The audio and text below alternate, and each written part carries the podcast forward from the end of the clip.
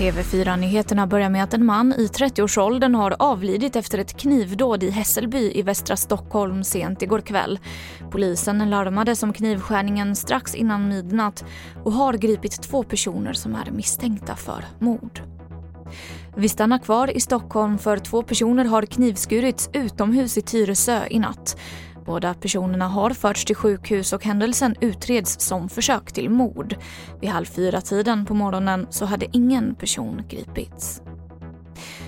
De personer i riskgrupp som tvingats vara hemma från jobbet sedan coronapandemin bröt ut i mars kommer att få vänta till oktober på ersättning från Försäkringskassan.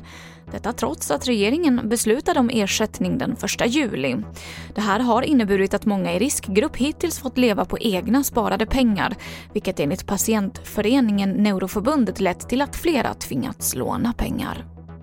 Och jag avslutar med att beståndet av lax ökar kraftigt i norra Sverige. Ekolodsundersökningar i Torne älv visar att återväxten är god och börjar närma sig tidigare års toppnoteringar.